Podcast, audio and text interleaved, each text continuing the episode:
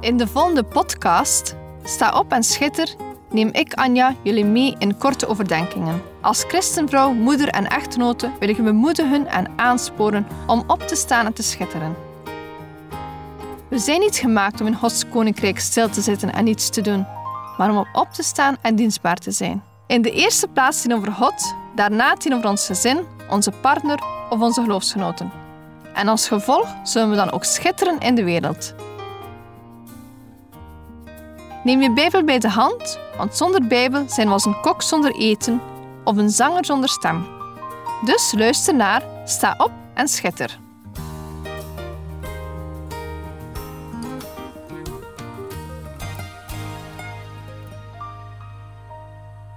Een aantal weken geleden heb ik een podcast gebracht over Deborah.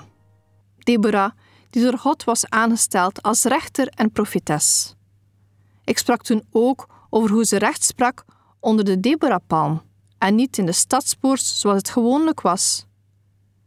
Ik vroeg me toen af waarom deze boom haar naam kreeg en waarom een palmboom. Ik liet toen deze vraag voor wat het was, tot mijn echtgenoot een paar weken later een preek gaf over Psalm 92. Hij gaf toen een prachtige uitleg over de verwijzing naar een palmboom. Ik hoorde wijze lessen en was getriggerd om daar verder op zoek naar te gaan. Waar kan ik teksten vinden in de Bijbel die gaan over palmboom? Wat is de betekenis van een palmboom in de Bijbel? Ik hou van palmbomen. Het doet me steeds denken aan zon, zee, stranden, warm weer en vooral vakantie. Ik herinner me nog de mooie wandelingen aan de kust van Spanje, de zonsondergang en daarvoor een palmboom voor mij zijn deze bomen zo vorstelijk. De aanblik van eentje, zelfs op een foto, geeft me een gelukkig en vredig gevoel. Voel je hetzelfde? In het zuiden is het zeer normaal om palmbomen te zien. Er zijn bijna 4000 soorten palmbomen bekend. De meeste soorten zijn van nature niet winterhard en komen dan ook alleen voor in de warme landen. De winterharde palmbomen, die we wel eens zien in ons land, zijn dan ook zeer kostelijk en daarom ook zeldzaam in ons straatbeeld. Laten we even de kenmerken van een palmboom bekijken. Het eerste kenmerk is de lange, rechte, stevige stam. Daarbovenop bevinden zich prachtige, waaiervormige groene bladeren. Voordat een jonge palmboom de hoogte in kan groeien, moet er een bepaalde breedte zijn bereikt. Hierdoor lijkt de groei van een jonge boom langzamer te gaan dan die van een reeds oudere. Een palmboom gaat ook pas na een aantal jaren bloeien en vrucht dragen. Maar ze dragen wel heel veel jaren vrucht. Een ander kenmerk van de palmboom is dat deze heel diepe wortels hebben. De lengte van de wortels kan zelfs even lang zijn als de hoogte van de boom. Dat is ook een van de redenen waarom palmbomen zo goed kunnen overleven in een gebied met een warm en droog klimaat. De stam bestaat uit één stengel met opeengestapelde bladvoeten en bevat geen bast, zoals andere boomsoorten. Nog een ander kenmerk is dat de oudere bladeren de jongere bladeren omhullen. Eerst groeien de bladstelen uit en zit het blad tegen de stelen aan. Hierna opent het blad zich. Het bladoppervlak is vaak glanzend en bedekt met was. Hierdoor wordt uitdroging voorkomen. Met deze eigenschappen in ons achterhoofd gaan we kijken hoe een palmboom beschreven wordt in de Bijbel. Laten we eerst kijken naar Psalm 92, versen 13 tot en met 16. De rechtvaardige zal groeien als een palmboom. Hij zal opgroeien als een ceder op de Libanon. Wie in het huis van de Heere geplant zijn, die mogen groeien in de voorhoven van onze God. In de ouderdom zullen zij nog vrucht dragen. Zij zullen fris en groen zijn, om te verkondigen dat de Heere waarachtig is. Hij is mijn rots en in hem is geen onrecht. Als ik deze psalm hoorde in de preek, werd ik stil. Ik ben blijkbaar niet de enige die een palmboom speciaal vindt. De manier waarop de psalmist het beschrijft is zo mooi. De palmboom in het Hebreeuws tamar. Het gaat hier over de dadelpalm. Deze palmboom onderscheidt zich van andere bomen in uiterlijk. De palmboom heeft een lange, slanke, rechte stam zonder takken. Aan de kruin zit een geweldige kroon, een bos gevederde bladeren die elk 2 à 3 meter worden. De jonge bladeren zijn opgerold en zien eruit als stokken. De hoogte van deze palmboom is tussen 10 en 20 meter. Zo impressionant. En wij mogen groeien als een palmboom. Met alle achtergrondinformatie over de palmboom en de psalm die ik zo net voorlas, kunnen we enkele wijze lessen trekken. Doordat de palmboom diepe wortels schiet om het water te bereiken, zijn het een van de weinige bomen die in woestijngebieden kunnen leven. Net zoals de palmboom diep geworteld is, moeten wij ook diep geworteld zijn in Jezus om ons in de meest moeilijke omstandigheden staande te houden. Ja, ook wanneer we het gevoel hebben dat we in een woestijn zitten. Het is gewoon belangrijk om ons water te halen bij de bron Jezus. Alleen bij de juiste bron kunnen we stand houden wanneer er bijvoorbeeld zandstormen komen in ons leven. Een palmboom gaat pas na een aantal jaren bloeien, maar draagt daarna nog heel veel jaren vrucht. Ook in ons leven mogen we groeien en vrucht dragen. Wij worden opgedragen om geestelijk vrucht te dragen. Hoe we dat kunnen doen, vertelt Jezus in Johannes 15, vers 5. Ik ben de wijnstok, u de ranken.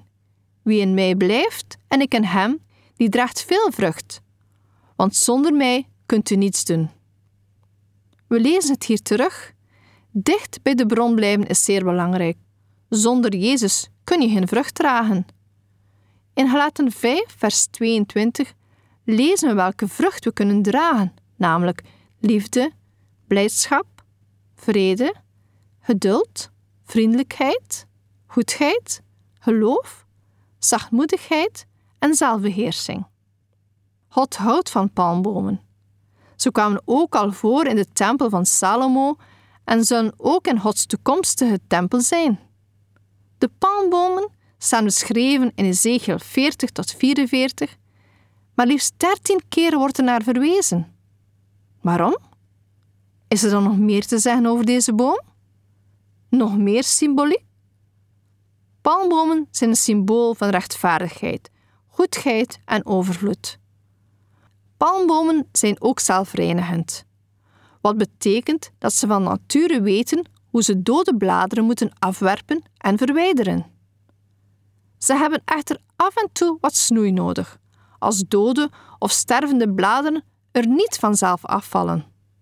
Johannes 15, vers 2 leert ons dat God elke tak in ons leven die geen vrucht draagt, weghakt en afsnijdt. Hij zegt ons in Hem te blijven en zijn woord te gehoorzamen, omdat Zijn woord ons reinigt. Het is belangrijk dat we ook in ons leven de dode bladeren afschudden die onze geestelijke gezondheid belemmeren. Studies hebben ook aangetoond dat palmbomen die samen met andere palmbomen groeien, zware stormen lijken te overleven met minder schade dan degenen die geïsoleerd groeien. Wat een geweldig beeld van het belang om deel uit te maken van een kerk. We hebben elkaar nodig. Laten we naast elkaar leven, onze wortels in elkaar gestrengeld, elkaar steunen in moeilijke tijden, aansporen tot liefde en goede daden. Dat is pas echt schoonheid. En is het niet mooi om te lezen dat we ook nog vrucht gaan dragen in onze ouderdom? Ja, we zullen fris en groen blijven bij het verkondigen van Jezus. Want ook een palmboom blijft vrucht dragen en blijft ongeacht het seizoen groen. We mogen zijn als palmbomen, in vele soorten en maten. We groeien daar waar God ons plant. We drinken van het levend water. We blijven staan, ook in een woestijn. We bieden rust in een chaotische wereld. We doorstaan de stormen van het leven. We zijn goed voor degenen die naast ons geplant worden. Wij vertegenwoordigen de hoop. We dragen vrucht en blijven vreugdevol. We buigen met de wind mee, maar breken niet. We doen de zonde weg uit ons leven en laten ons snoeien. We groeien naar de hemel toe. Ja, we mogen zijn zoals een palmboom. Nu we alles op een rijtje hebben gezet in verband met de palmboom, zit ik nog met twee vragen. Hoe zit het met die palmboom waar Deborah onder zat? Welke betekenis kunnen we hier dan aan geven? Een theoloog beschreef het als volgt. Omdat palmbomen niet vaak hoog in het gebergte groeien, wordt er wel eens gedacht dat dit vooral symbolisch bedoeld was. De palmboom een symbool voor rechtvaardigheid en de vrucht van de dadelpalm is zoet als honing. Dit klinkt wel goed. Ze sprak dus recht onder een boom van rechtvaardigheid. En haar naam betekent honingbij. En de vrucht van een dadelpalm is zo zoet als honing. Wat een prachtige symbolische betekenis. Mijn tweede vraag: hebben palmbomen vijanden? Ik kwam tot de vaststelling dat ze één grote vijand hebben, namelijk een rode palmkever. Het is een relatief grote kever die tot 4 centimeter lang wordt en een opvallende roodbruine tot rode kleur heeft met zwarte vlekken. Deze kever begint zich vanuit de kruin een weg naar binnen te eten en legt daar eitjes. Van buiten is er niks zichtbaar, maar binnenin voltrekt zich een drama. De larven komen uit en beginnen te eten. Ze hollen de boom uit. De kever kan moeilijk bestreden worden, omdat de larven in de stam van de palm hangen uitvreten. De rode palmkever wordt gezien als een van de schadelijkste houtaantastende insecten. Wat beeldend voor ons eigen leven is. Onzichtbaar voor de buitenwereld kunnen er zonde, depressie, slechte gedachten, angst of jaloezie woekeren. Het knaagt aan ons en holt ons uit. We hebben God voortdurend nodig om onszelf te controleren op die rode beestjes.